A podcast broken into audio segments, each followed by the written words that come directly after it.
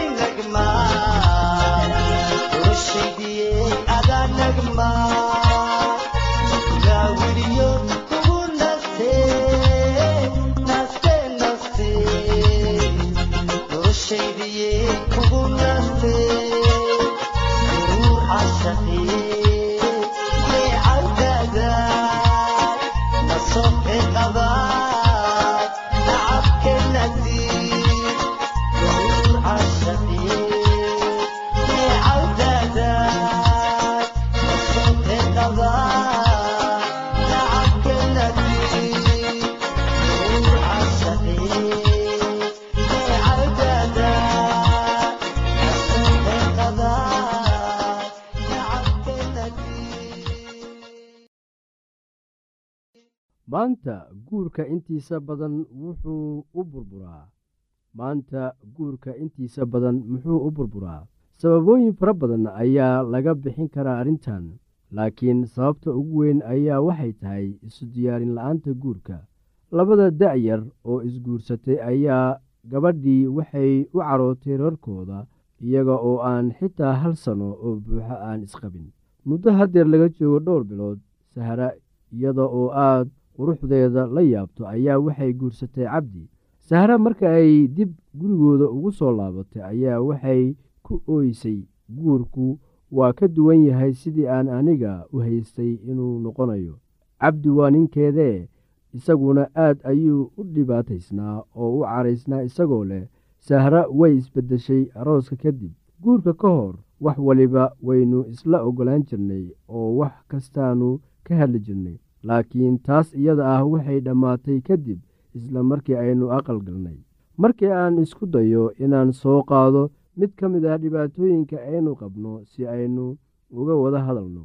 Fikraddii aan soo jeediyaba way igu xiraysaa qaylinaysaa oo weydiidaysaa in wax isbeddel ah lagu sameeyo go'aano hore oo aynu gaarnay.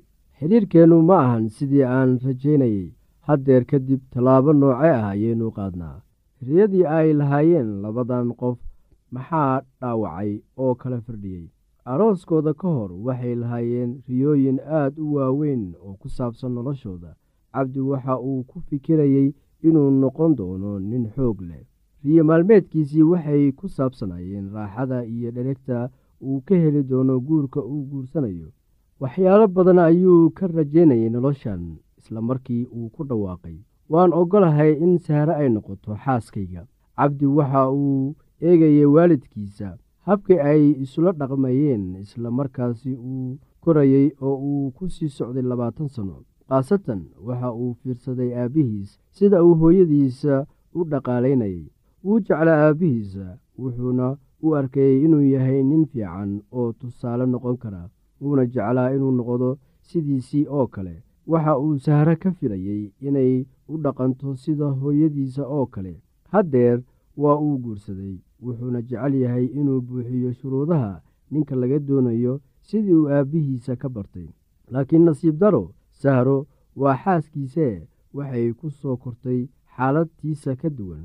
Ma aanay awoodin inay u dhaqanto sida cabdi hooyadii sidii uu isagu filayey cabdi wuxauu xitaa fikrado guur ka soo qaatay meelo kale ah sida telefishinada buugta waxa ay dadkiisa sida waalidka abtiga iyo ayeeyadiisa bareen iyo wuxuu uu ka bartay cuqaasha. Inta badan noloshiisa waxa uu ururinayay warar ku saabsan sida uu ninka u dhaqmi lahaa. Nasiib daro sidoo kale waxa uu ururinayay fikrado ku saabsan sida naagtu u dhaqmi lahayd. Sahro hooyadeed hase yeeshee waxay ahayd naag howlkar ah oo aan cabsanin oo uu ninkeeda quruf quruf u keeni karin waa sahro aabbaheede sahro aabbaheeda maamulka guriga oo dhan. Waxa uu faraha u geliyey sahro hooyadeed islamarkaasi uu isagu shaqo tegayey cayaarahana u daawasho tegayey ama uu mashquulsanaa howlaha bulshada. Haddeer maadaama ay guri leedahay way garanaysay wixii naag wanaagsan samayn lahayd iyo wixii laga doonayey ama laga filayay iyada. Ka hor intii aanay guursan wax shaki ah kama uusan jirin inay leedahay awoodda ay ku noqonayso boqorada guriga. Waxay awooddeeda muujinaysay mar alla markii la soo baahdo haddeer markii ay fursaddii timid arrintii meel ayay iska noqotay. Cabdi waxa uu diiday inuu qaybtiisa cayaaro sidii nin wanaagsan laga filayay. Tanina waxay rabsho u keentay sahro. Waxay ku ooyeysay sida tan wax walba oo aan isku dayo inaan sameeyo waxa ay ka xanaajinayaan cabdi. Madaxa ayuu ii taagayaa oo wuxuu doonayaa inuu i xukumo. Intii aanan isguursan sida wuu ka duwanaa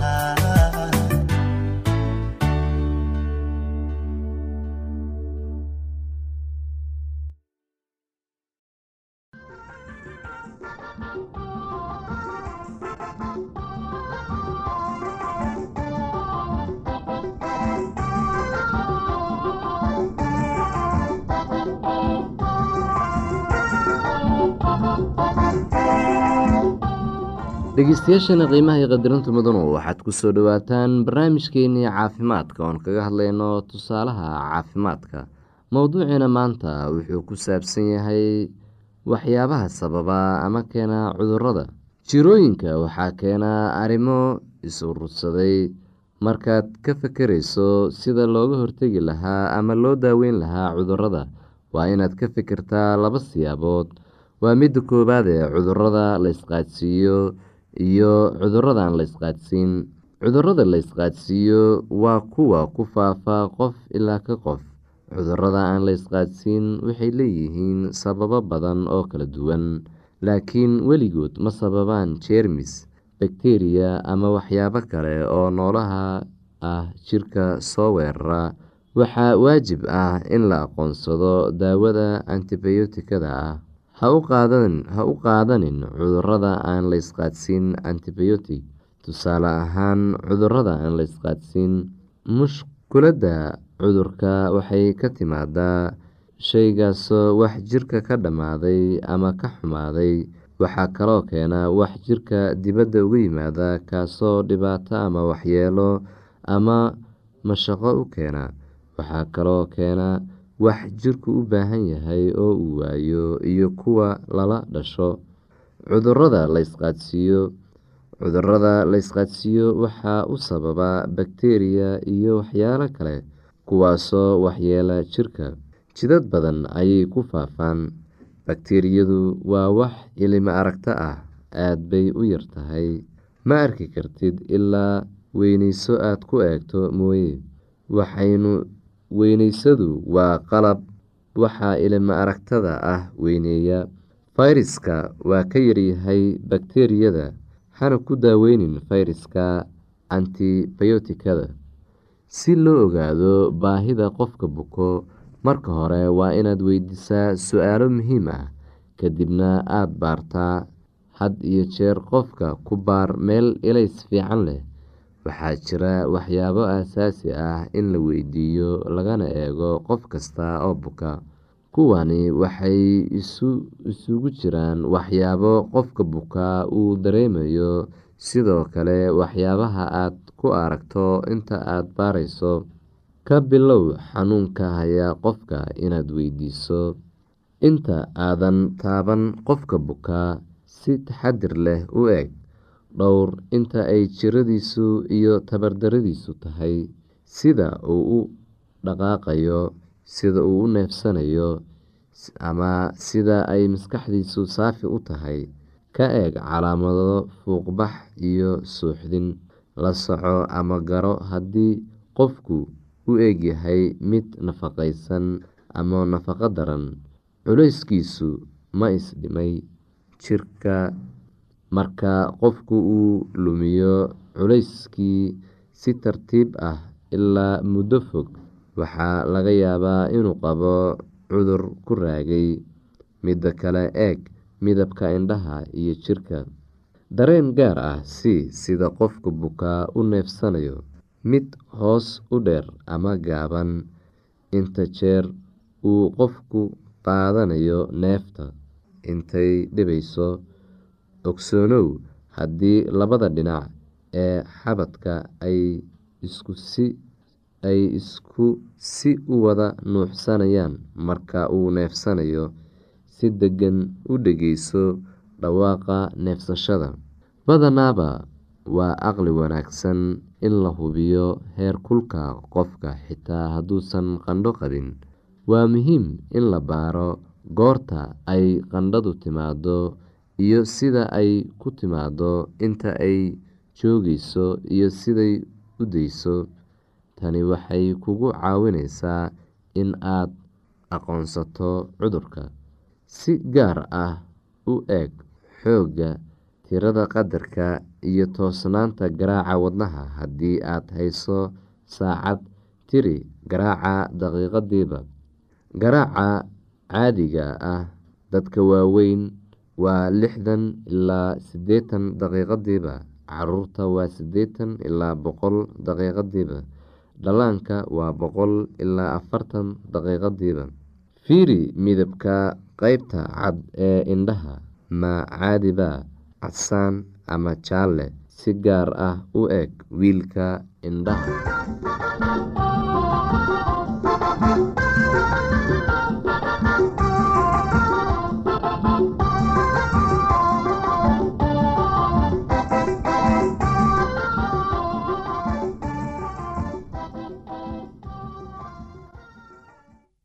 haddii aad qabto wax su'aalaha fadlan inala soo xiriir. ciwaankeenna waa radio somaly at yahu tcom mar labaad ciwaankeenna wa radio somaly at yahu t com. barnaamijyadeena maanta waa naga intaas.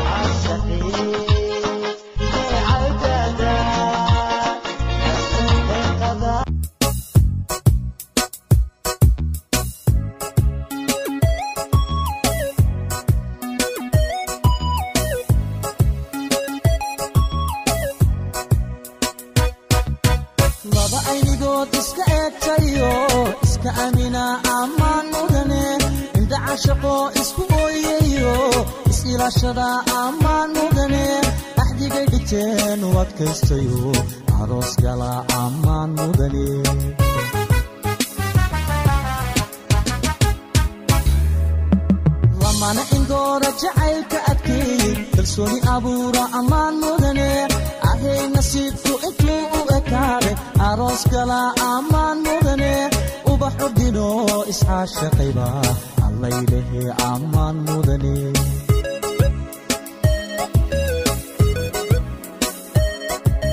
laba aynigood iska eegtayo iska amina ammaan mudane indhacashaqo isku ooyayo is-ilaashada ammaan dhigteen u adkaystayo aroos gala ammaan mudane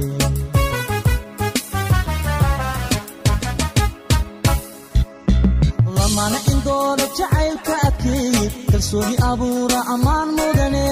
Ahay nasiibku intuu u ekaaday aroos gala ammaan mudane. Ubax ordino iscaashaqayba allaylehe ammaan mudane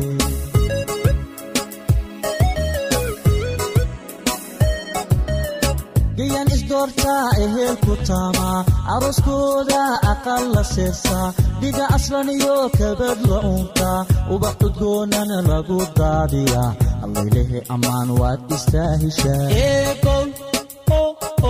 u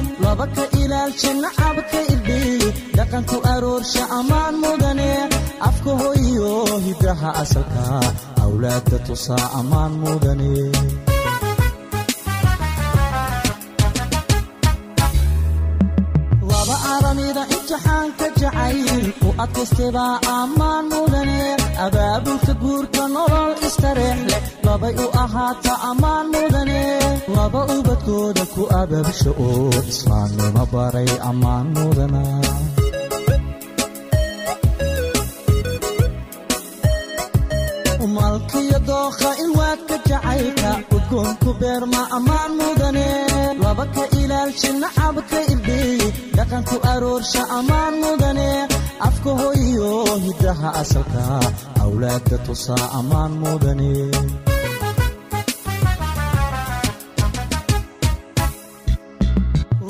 imtixaanka jacayl u adkaystebaa ammaan mudane abaabulka guurka nolol istareex labay u ahaata ammaan mudane ubadkooda ku abaabsha oo islaamnimo baray ammaan mudana